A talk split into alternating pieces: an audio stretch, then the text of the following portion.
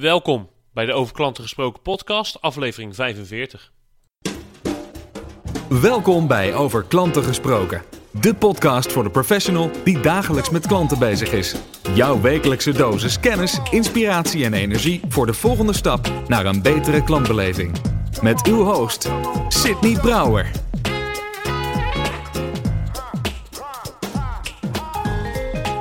5 september 2017, eerste dinsdag van de maand, dus een nieuwe aflevering van Over Klanten Gesproken. En op het moment dat deze aflevering online komt, zit ik met een voetjes in het zand en met een cocktail in de hand te genieten van een vakantie op Bali.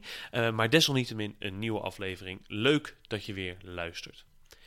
Ik spreek in deze aflevering met Alexander Tchernov, oprichter, partner van 369 Method, wat hij samen met zijn eh, partner Maarten van Hoof heeft opgericht. En het gaat helemaal over medewerkersbetrokkenheid. De sleutel tot een leuke organisatie, tot een goede klantbeleving en high performance. Um, Alexander en Maarten waren, uh, nou niet heel lang geleden, een half jaar geleden zelfs nog maar, waren zij uh, manager bij ABN AMRO. En wat zij daar gedaan hebben is van hun afdeling die zij onder hun uh, hoede hadden, de medewerkersbetrokkenheid in een half jaar tijd verdubbeld. Nou, de methode die ze daarvoor gebruikt hebben, daarover gaan we praten in deze aflevering.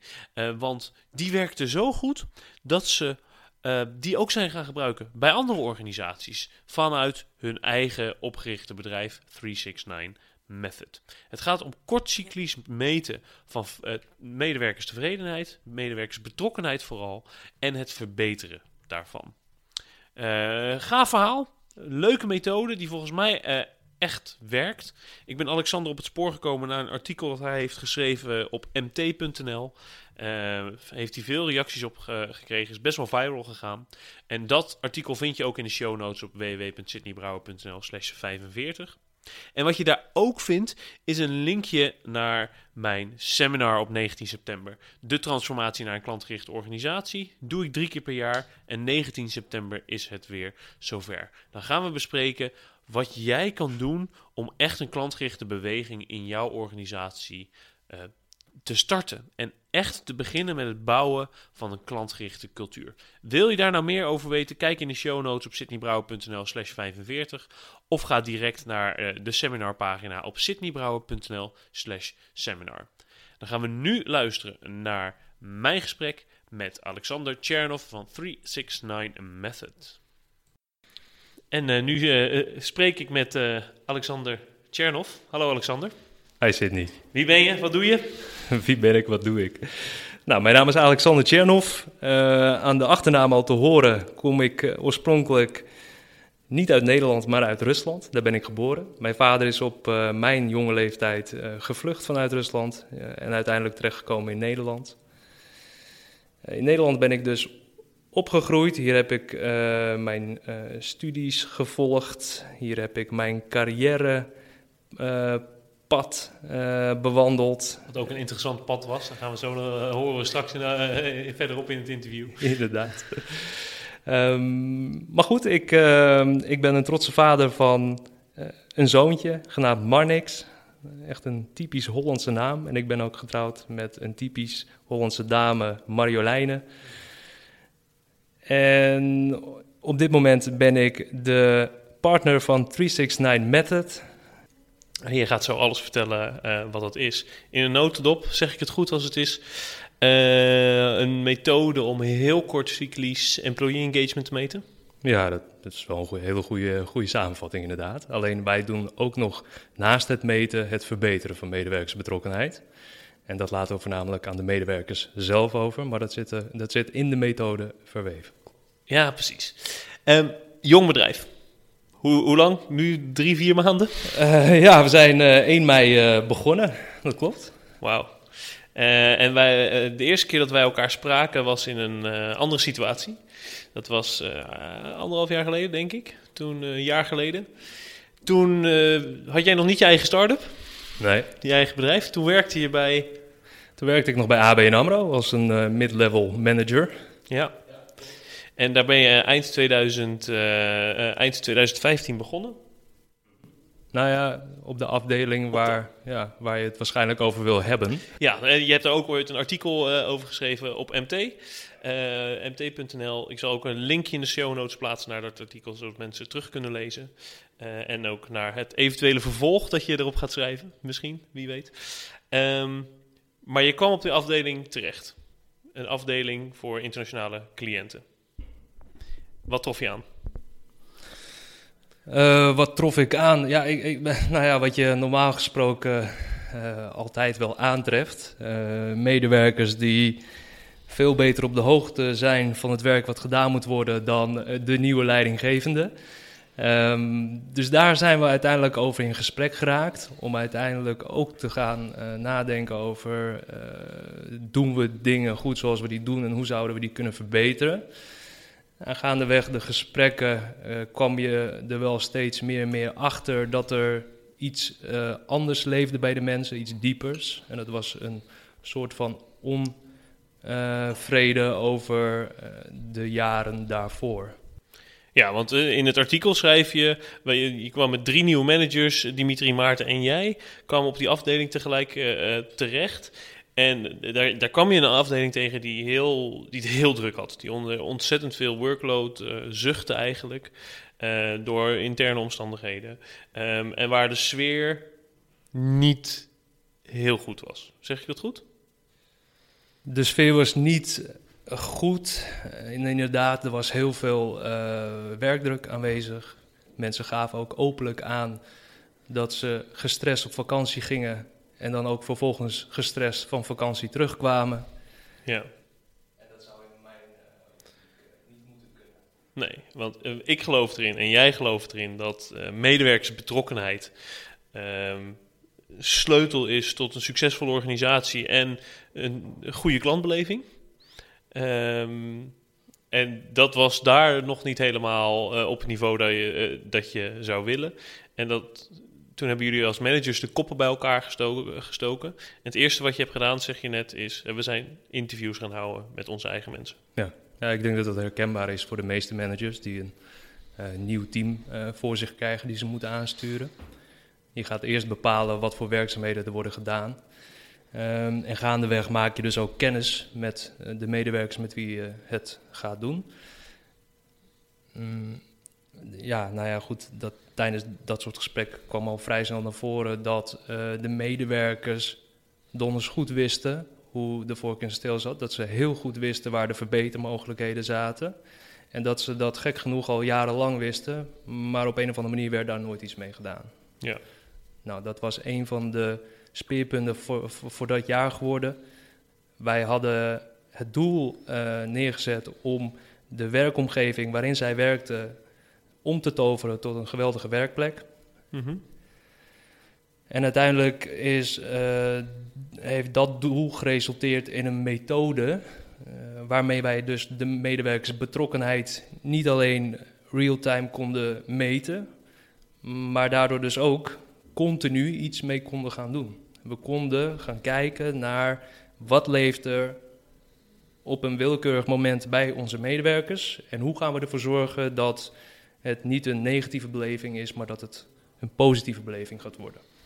Eh, we stappen er heel snel overheen nu, maar het is al, ik vind het al überhaupt een heel interessant target dat je jezelf stelt. Zeker bij een bank. Hè, zeg niet een omzetdoel, niet een service level. Maar ons belangrijkste doel voor de afdeling is dat we een great place to work worden. Kan je daar iets meer over vertellen over waarom je daarvoor hebt gekozen? Hoe, hoe, hoe dat is. eh, ja. Ik denk dat het een stukje intrinsieke motivatie is die bij zowel mij, maar ook mijn mede-MT-leden op dat moment leefde. We hebben allebei in het verleden op diverse afdelingen gewerkt, als zowel medewerker, maar ook als leidinggevende. Dus we weten eh, de beide kanten van het verhaal, zowel binnen de bank, maar ook bij andere eh, organisaties. En ik denk dat bijvoorbeeld bij mij het besef medewerkersbetrokkenheid al eh, bij de politie eh, was eh, gewekt. Want daar heb jij hiervoor gezeten. Ja, ik, ik, ik ben op mijn achttiende ben ik de politieacademie gaan doen. En dat is niet bepaald... ja, dat was toen een vrij, vrij hiërarchische omgeving waarin ik terecht kwam.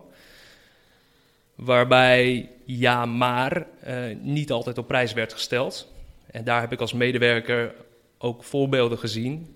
Eh, wat het kan betekenen als je als inspecteur zijnde een van, je agenten, een, een van je agenten dus niet laat uitpraten. En dus ook geen verbetermogelijkheden laat presenteren over Ja. de werkzaamheden of wat dan ook. Dus bij mij is toen de interesse voor de verhouding tussen leider en medewerker al ontstaan. En eh, toen ben ik ook ervan overtuigd dat dat ouderwetse traditionele, traditionele manier van leiding geven, dat dat niet, eh, niet bestemd was voor mij, voor mijn generatie, maar ook voor de toekomst van diverse bedrijven. En zo zijn jullie gekomen tot dat doel. Onze afdeling moet een great place to work, een fantastische werkomgeving Ja. worden. Ja, we waren alle drie als, manage, als managers zijnde heel verschillend qua karakter. Maar we hadden de lijm tussen ons. En die lijm, dat was de gedachte eh, goed van medewerkers eerst. Ja. En toen, toen hebben jullie dat besloten. Hè? Dat, oké, dat, dat wordt ons doel intern. En toen, dan, dan, dan, nu heb je een methode die dat kortcyclisch kan meten en verbeteren. Dat had je toen nog niet. Toen ben je gaan experimenteren. Ja. Wat was nou de eerste stap die je zette om te kijken, hoe gaan we nou die, eh, die engagement verbeteren van Ja. onze medewerkers? Nou, we begonnen al met, eh, met de basis van onze gedachtegoed. Dus namelijk de vraag neerleggen bij de medewerkers. Wij, eh, zowel het management als de medewerkers, wilden een geweldige werkplek eh, creëren. Hoe gaan we borgen dat we op de, op de goede weg zitten? En toen kwam vanuit de groep het idee om de jaarlijkse medewerkersbetrokkenheid-onderzoek, die bij vele bedrijven wel bekend is, om die vaker te doen. Eén keer in de maand bijvoorbeeld.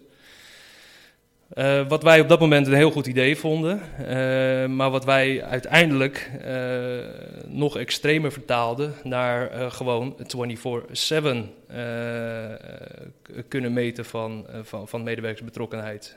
De middelen die we op dat moment hadden waren nou, onder andere Google Docs en, en SurveyMonkey die we gecombineerd gebruikten. Ehm, dat idee is ontstaan, eh, ja, gek genoeg onder de douche. maar het was wel... De mooiste ideeën Ja, ontstaan onder de precies. douche, hè, schone lucht wordt wel eens gezegd. Maar goed, dat idee is ontstaan naar aanleiding van input vanuit de groep. Joh, we willen vaker zo'n medewerkersbetrokkenheidsonderzoek houden. En op basis daarvan kunnen we gaan bepalen of we op de goede weg zitten of niet. Want één keer in het jaar is gewoon niet voldoende. Als je het één keer in het jaar doet, dan eh, voordat je de resultaten krijgt, zijn de werkzaamheden al veranderd, is de groep veranderd. Ehm, en, en zijn er weer andere prioriteiten waar je op moet focussen. Dus vaker, vaker doen. Nou, uiteindelijk besloten om het gewoon 24-7 open te houden eh, met de eh, middelen die we hadden. Eh, het werd dus een combinatie van SurveyMonkey en Google Docs. En ja, daar hadden wij een medewerker voor vrijgemaakt die dat één keer in de week kon combineren. En op basis van de resultaten uit zo'n open gehouden eh, enquête eh, kon ombuigen naar een, spreadsheetje met, eh, die dan vervolgens een mooi tabelletje weer, eh, weergaf. Dus je had gewoon een link waar mensen eh, op elk moment van de dag, elk moment van de week op konden klikken om daar. Nou ja, die dingen zijn vaak ellenlang. Dan hebben we het over 80 vragen en die, eh, eh, die, die je vaak ziet. Volgens mij was dat bij jullie iets anders. Ehm, maar die, die kon je gewoon elk moment van de dag invullen. En op basis daarvan gingen jullie elke week kijken: oké, hoe, hoe is de situatie nu? En wat kunnen we beter doen? Precies, precies. We zijn inderdaad wel teruggegaan van, eh, van, van 40 vragen die je normaal gesproken voor je krijgt naar 15 vragen. En gaandeweg het jaar zijn we zelfs teruggegaan naar 10 vragen. De methode zoals die nu is, eh, behelst alleen 9 stellingen Ja. die, je- die je kunt beoordelen. En dat heeft gewoon puur te maken met het feit dat als je, ook al gebruik je 15 stellingen, mensen kunnen op dat moment niet altijd een situatie op de werkvloer relateren aan een bepaalde stelling. En dat wilden we voorkomen. Dus dat betekent dat als er iets zou plaatsvinden op de werkvloer, of het nou Mhm. positief zou uitpakken of negatief voor de betrokkenheid, dan wilden wij dat de medewerkers dat altijd zouden kunnen relateren aan een bepaalde stelling. En een stelling zou kunnen zijn: ik heb een, ik heb een goede eh, balans tussen werk en privé. Ja, dat was een van de vragen die Dat is bijvoorbeeld een van de stellingen. Daar moet je aan denken. Het zijn niet, niet de, eh, super exotische stellingen die, waar je nog nooit van hebt gehoord. Uiteindelijk komt het allemaal uit dezelfde soort literatuur. Dus de vragen zijn wel herkenbaar. Alleen 40 is, is, is zwaar overbodig. Ja, en eh, eh, even voor, voor, voor, de, voor de luisteraar. Ehm, ik heb een goede ehm, eh, werk-privé-balans. ik heb het naar mijn zin met mijn collega's. Ik heb het, kan, je, kan je dan één of twee extra noemen? Ik kan, ik kan open en eerlijk feedback leveren aan mijn manager en mijn teamgenoten. Ehm, ik ben trots op het team waarmee, we, waarmee ik samenwerk. Beslissingen op de, op de, op de werkvloer worden snel eh, eh, genomen. Eh, de- Ja. Aan dat soort stellingen moet je denken. Die allemaal ten goede komen aan uiteindelijk het werk zelf. Ja. En de beleving van werk. Dan dan ben ik heel benieuwd. Dan laat je dus zo'n survey eigenlijk 24-7 laat je openstaan. Gaan mensen daar dan ook veel op reageren? Zijn, gaan al je collega's, hoe groot was je team op dat moment? Ons team gezamenlijk was ruim 30 personen. Ja, Maar mijn eigen team, eh, dat zat op 15, 16 mensen. maar de- 30 personen konden dat ding elke, op elk moment invullen. Deden ze dat dan ook elke week of elke dag? Of? Ja, wat je dus duidelijk zag gebeuren is dat in het begin er wel wat eh, sceptisch gedacht wordt. Is, ik weet niet of, dat, of ik dat op die manier juist zeg, maar er wordt in ieder geval met argwaan gekeken naar de methode. Ja, Eh, niet iedereen was vanaf het begin al eh, te strikken om dit te gaan doen. Maar naarmate je dus elke week weer het gesprek aangaat over de stellingen en over de scores die door het team worden gescoord, dan zie je gewoon dat er steeds meer mensen gaan meedoen. Omdat ze zien dat er opvolging wordt gegeven aan niet alleen de resultaten, maar ook aan de actieplannen die worden geformuleerd naar aanleiding van de resultaten. Ja. dus eh, dat ding wordt elke keer ingevuld, elke week. Er is een medewerker wordt vrijgemaakt om eh, de input te analyseren en daar verbeterpunten uit te presenteren aan jullie als, als management. Eh, en vervolgens ga je, bespreek je dat ook elke, elke week met het team. Eh, Nou, de, de verbeterpunten die, die komen vanuit de groep. Hè. Dat doet een medewerker niet. De medewerker die verantwoordelijk was voor het bijhouden van de meetresultaten, die Ja. hield zich bezig met het creëren van overzichtelijke spreadsheets, overzichtelijke grafieken, waarmee we dus ook de trend van de betrokkenheid eh, konden bijhouden. Die printte hij dan vervolgens uit en eh, hing het heel demonstratief op, op, over de hele afdeling, zodat iedereen zich continu van bewust was eh, dat eh, betrokkenheid op een bepaald niveau zat en dat die zou kunnen verbeteren. Ehm, dus dat is wat de taak was van deze medewerker. Vervolgens gingen wij daar wekelijks over in gesprek. Daar was niet meer dan een uurtje voor nodig. Dat deden we met eh, in het begin de hele groep en later ehm, de helft en soms wel eens een derde van de groep. En tijdens dat gesprek, daar gebeurde de magie, want daar ontstonden de meest creatieve ideeën. Eh, Daar werden ownerships eh, gepakt door mensen die daar ook het talent voor voelden. Ehm, en daarin werd ook besloten wat, welke richting we op zouden willen met een bepaalde stelling. Als wij bijvoorbeeld een 6 gaven voor een stelling, dan eh, praten wij over wat de reden daarvoor was, hè, op een schaal van 0 tot 10. Ja. En we praten over de verbetermogelijkheden om vervolgens met z'n allen daar een 7 op te gaan scoren. Gaaf. Dus meten, praten, verbeteren. Ja. Dat, dat is de, de, de, de, de, de cyclus. En dat heb jij iets meer... Nee, dat heb je bijna een jaar gedaan bij, eh, Ja, zeker, ja. bij ABN. Wat, wat was het resultaat als je, dat, dat jaar? Wat heb je ermee behaald? Het resultaat was dat wij de medewerkersbetrokkenheid wisten te verdubbelen. En dat was al na zes maanden zichtbaar. Ehm, Te verdubbelen. te verdubbelen, ja, medewerkersbetrokkenheid verdubbelen. En eh, dat had deels te maken met het feit dat de afdeling relatief onbetrokken was in het begin. Dus ja, dan maak je al vrij snel natuurlijk wat grotere stappen als dat je mm, begint met een afdeling wat relatief eh, veel eh, betrokkenheid toont. Anderzijds eh, had het te maken met het feit dat ehm, dit ehm, een, een manier was van omgaan met medewerkers die mm, nog niet vaak gezien was in de omgeving waarin deze medewerkers werkten. Mhm. Iedereen eh, was wel erg enthousiast over de methode, Ja. was ook enthousiast over hoe wij als management daarmee omgingen. En ja, dan, dan creëer je een soort van, van vicieuze cirkel. Hè. Dan, eh, dan, dan, dan eh, gaat opeens alles ook goed. Ja. Dan, dan krijg je publiciteit. Dan eh, komen er mensen bij je over de, over de vloer om eens te kijken hoe zij dat eventueel bij hun op de afdeling of binnen hun eigen bedrijf zouden kunnen gaan doen. Ja. En ja, de medewerkers zelf die verdelden natuurlijk allemaal door binnen de organisatie, waardoor via via ook weer heel veel aandacht kwam. Ja, want daar ben ik dan benieuwd naar. Kijk, je, je ziet op het, eh, het cijfertje dat elke week wordt uitgeprint op je spreadsheets, zie je dat het inderdaad verdubbelt. Maar het is nog veel belangrijker hoe je dat merkt in je dagelijks werk en de sfeer op de afdeling. Hoe, hoe merk je dat, dat, dat het daadwerkelijk verdubbeld is?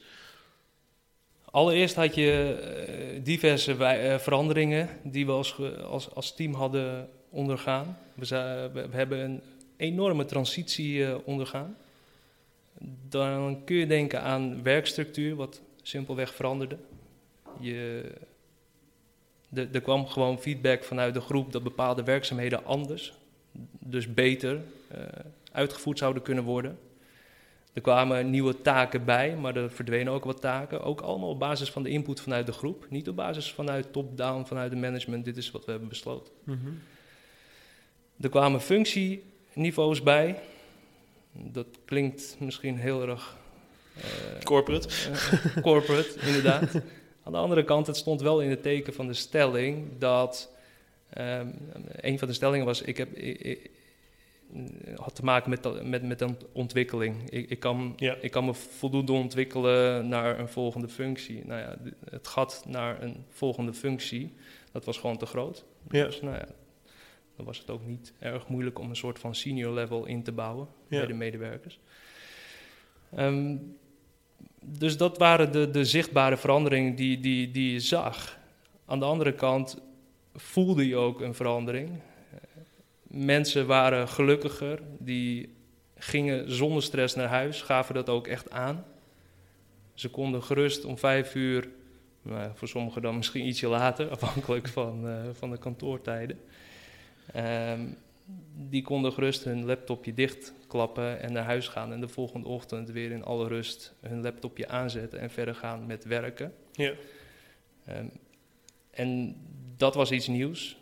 Dat, het, het zorgt voor een ontspannen sfeer, maar wel een, een, nog steeds een, ja, een, een, een, omgeving waarbij we, wel naar prestaties werd gekeken. Iedereen wilde ook echt keihard voor elkaar werken en doelen halen. Dus eh, je zag ook dat mensen vrijwillig met oplossingen kwamen om achterstand weg te werken in de weekenden. Ja. Dus dan werd er vanuit de medewerkers een, een terugkomdag georganiseerd op een zaterdag. Met muziek, met hapjes. En medewerkers die zelf hun eigen hapjes hadden bereid. En ja, dat is wel heel gaaf. Ik geloof dat je op LinkedIn nog ergens een foto ziet van mij. Ehm, dat ik met mijn pasgeboren kind destijds, eh, mijn zoontje, over de afdeling loop met een dienblad. Om al die medewerkers goed te verzorgen. Ja. Ehm, maar goed, dat, dat, dat, de- dat deden we. Dat, dat ontstond gewoon organisch. Dat is betrokkenheid. Ja. Dat is betrokkenheid. Ja. Ja. Ja, Daar is de basis gelegd voor wat je nu hebt. Voor wat jullie nu zijn gestart. Want jij en Maarten zijn weg bij de bank. Eh, en jullie hebben gedacht, joh, wat we hier aan het doen zijn, dat werkt. En dat werkt zo goed, dat kunnen we uit gaan breiden. En zo was 369 Method geboren. Vertel, wat, wat is het? Nou ja, na het verschijnen van het artikel kregen we vrij veel aandacht van eh, uit andere bedrijven. We hebben teammeetings bijgewoond. We hebben presentaties gehouden voor diverse directeuren van diverse bedrijven. En we hebben ook echt sparringssessies gehouden met leden van de raad van bestuur van grote multinationals. En altijd weer over dat onderwerp medewerkersbetrokkenheid. En de obstakels die deze bedrijven ervaarden bij het verbeteren daarvan. Zij vonden het natuurlijk super gaaf dat wij met een methode kwamen waar- waarbij wij eh, vrij snel eh, resultaten konden laten zien. En die waren ook heel erg benieuwd naar hoe ze dat zelf binnen hun eigen bedrijf zouden kunnen inzetten. Ja. Nou, gedurende de laatste zes maanden ongeveer van 2016 hebben we een aantal testcases gedraaid bij diverse bedrijven, waarin we ook weer hele goede resultaten hebben gezien.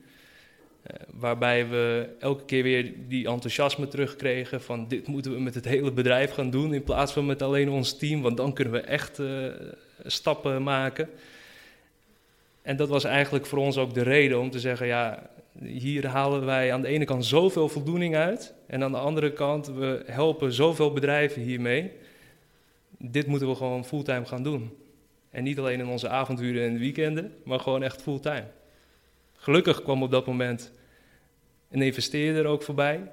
Die geloofde ook heilig in, in, in deze methode van omgaan met medewerkers. Er kwam zelfs een tweede investeerder. En altijd weer vanuit diezelfde gedachtegoed van dit is de manier hoe je moet omgaan met medewerkers. Dit is de manier hoe je je uh, organisatie wendbaar houdt, hoe je ook duurzame groei kunt borgen. Die investeerders die zagen het helemaal zitten en die zeiden ook de app die jij omschrijft in je artikel, die moet er komen, koste wat het kost. Want zo'n medewerker vrijmaken één keer in de week en gebruik maken van twee systemen om zo'n meting open te houden, uh, dat kost te veel tijd. Uh, en de app is daarvoor gewoon de uitkomst. Ja. Dus daar is vervolgens uh, een bedrag vanuit de investeringen heen gegaan en met ja, de verkoop van een aantal aandelen dus van ons toen nog op te richten bedrijf, uh, konden wij redelijk uh, rustig afscheid nemen van, van ABN AMRO en dus ook voor onszelf gaan beginnen. En de app, de methode, uh, is die nog hetzelfde als toen je hem gebruikte bij ABN? Of die is ook doorgeëvalueerd, kan ik ja, me voorstellen? Nou, we zijn met zoveel interessante mensen in gesprek geraakt. Dan kun je denken aan HR-directeuren, maar dan kun je ook denken aan uh, normale medewerkers, hè, trainees binnen een bedrijf, uh, die ons contacten om echt bij hun langs op te komen, eens te kijken hoe zij dat op hun afdeling anders zouden kunnen doen. Maar het grappige is, is dat er ook heel veel afdelingen al zijn die op een soortgelijke manier omgaan met de medewerkers. En ook uh, voor ons waren er een hoop best practices op te halen naar aanleiding van zulke soort uh, bedrijfsbezoeken. Dus wat we ook hebben gedaan is deze mensen uitgenodigd hier bijvoorbeeld in het Design Thinking Center. En we hebben ook Design Thinking sessies gehouden om eens te kijken naar wat is nou het geheim van deze methode. Waarom willen mensen hiermee aan de slag en waarom levert het ook resultaten op? We hebben dat met uh, afgezanten van diverse bedrijven gedaan, uh, die ook op een hele uh, andere manier omgaan met hun medewerkers. dat kan zijn op afstand, maar het kan ook heel direct zijn. en, en op basis van eh, ja, eh, die combinatie die heeft ervoor gezorgd dat wij uiteindelijk de methode geraffineerd hebben zoals die er nu staat. Dat wil zeggen, we zijn teruggegaan naar, een, naar een wetenschappelijke onderbouwing van medewerkersbetrokkenheid. En we zijn gekomen met negen stellingen. We zijn gekomen met, met, met een beoordelingssysteem niet van 0 tot 10 voor elke stelling, maar van 1 tot 7 om die uh, subjectiviteit weg te halen. Maar ik denk dat de belangrijkste ontdekking van al deze sessies was, uh, dat was dat hetgene waar het mee begint, namelijk de vraag, wat is jouw ideale werkplek, dat dat hetgene is wat ervoor zorgt dat medewerkers vanaf het begin hiermee aan de gang willen gaan. Ja. Want in plaats van wat je bij een medewerkersbetrokkenheidsonderzoek ziet, hè, waarbij vastgestelde stellingen de organisatie worden ingeslingerd. In plaats daarvan vragen wij aan elke medewerker via deze app dus wat zij verstaan onder hun ideale werkplek. Vinden ze het inderdaad belangrijk om een goede werk-privébalans te hebben? Of vinden ze het veel belangrijker om open en eerlijk feedback te leveren aan de manager? Want dat verschilt per bedrijf, het verschilt per cultuur wat mensen belangrijk vinden. Precies, ja. ja. ja. En op basis daarvan kom je dus uit op negen zelfgekozen stellingen door dat team wat ermee aan de slag gaat. Dus het worden de stellingen van dat team. Het worden persoonlijke stellingen.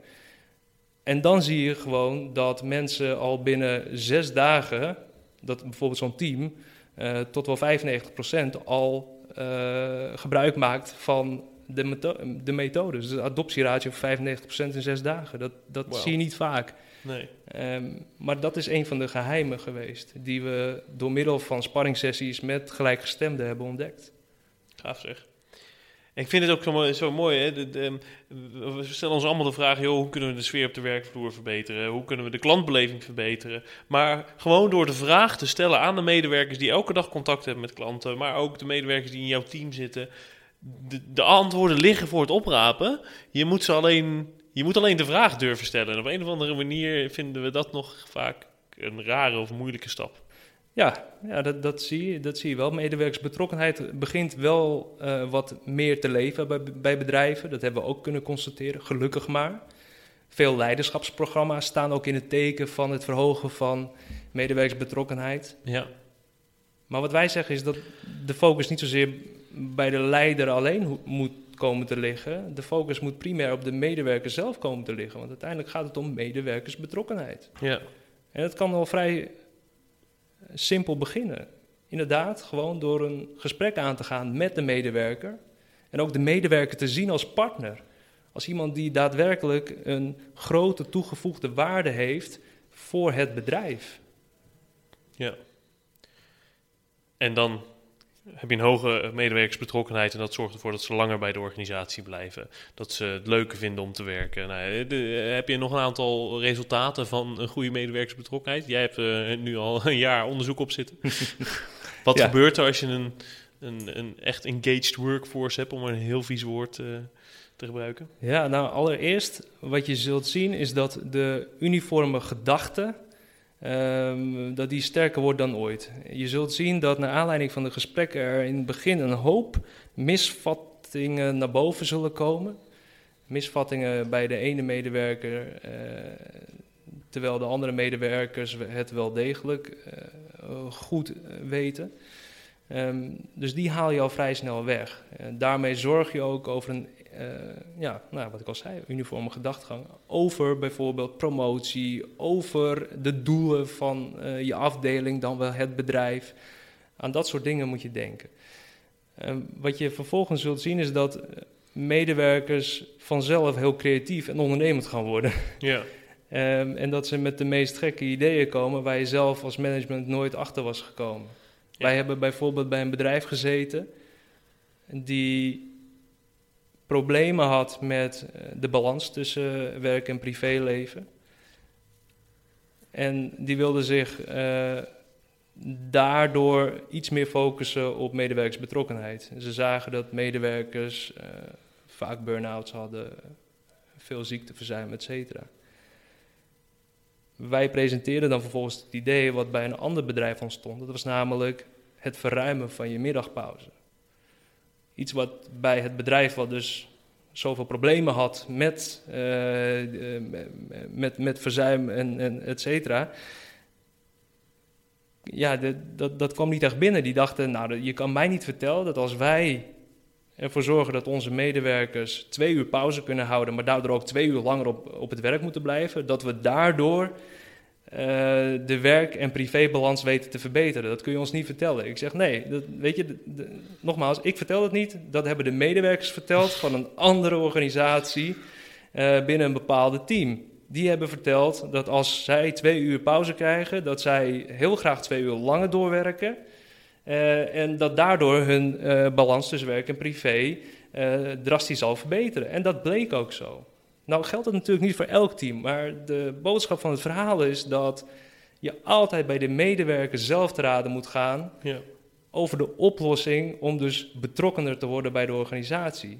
Je moet jezelf niet, uh, je, moet, je, moet, je moet niet continu jezelf de taak opleggen om, om het wiel uh, opnieuw uit te vinden. Nee. De, de oplossingen liggen voor het oprapen. Het gaat hem puur om dat dialoog. En doe dat als gelijkwaardige partners. Mooi. Um, je bent uit de pilotfase, het loopt, het, dus er staat een bedrijf, er staat een technologie. Waar kunnen mensen meer over je vinden? Nou, allereerst op onze website www.369method.com. Dus 369method.com. Inderdaad. Ja. ja. Staat ook in de show notes. Nou, heel goed. nou, allereerst uh, daarop natuurlijk. En de app zelf, die uh, de ondersteuning vormt voor de methode. Die is te downloaden op de Salesforce App Exchange. En ja, ik denk dat iedereen ook van harte welkom is om gewoon met mij of met Maarten contact op te nemen als diegene iets meer wil eh, weten over de methode. We komen graag langs. En... Ook jullie LinkedIn-profielen staan in de show notes. sydneybrouwer.nl slash 45 uit mijn hoofd. Ehm, dus neem contact op, link met ze op, op LinkedIn. Stuur ze een e-mailtje. Want het is, het is goud waard, als ik het zo hoor, van wat ik ervan heb gezien. Ik vind het heel gaaf. Um, en um, ik denk dat heel veel bedrijven dit nodig hebben. Ja. Kijk in de show notes, kijk op LinkedIn. Alexander, dankjewel. Dankjewel, Sydney. Dat was hem dan, mijn gesprek met Alexander Chernoff van 369 Method. En zoals gezegd vind je contactinformatie, websites, LinkedIn, profielen.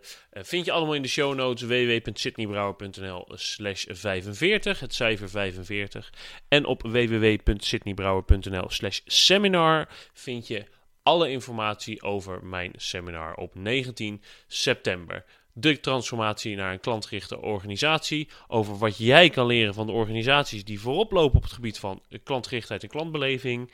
Hoe jij een klantgerichte beweging kan starten in jouw organisatie en wat je kan doen om te beginnen met het bouwen van een klantgerichte cultuur. S'avonds uh, van 7 eh, tot half 10 ongeveer in Amsterdam. Uh, mijn seminar de transformatie naar een klantgerichte organisatie. Schrijf je in op www.sydneybrouw.nl slash seminar en ik hoop je daar te zien. Voor nu, leuk dat je hebt geluisterd naar deze aflevering. En begin oktober is er gewoon weer een nieuwe aflevering van Over Klanten Gesproken. Tot dan. Bedankt voor het luisteren naar deze aflevering van Over Klanten Gesproken. Voor meer afleveringen en de show notes, kijk je op sydneybrouwer.nl slash podcast. Graag tot de volgende keer.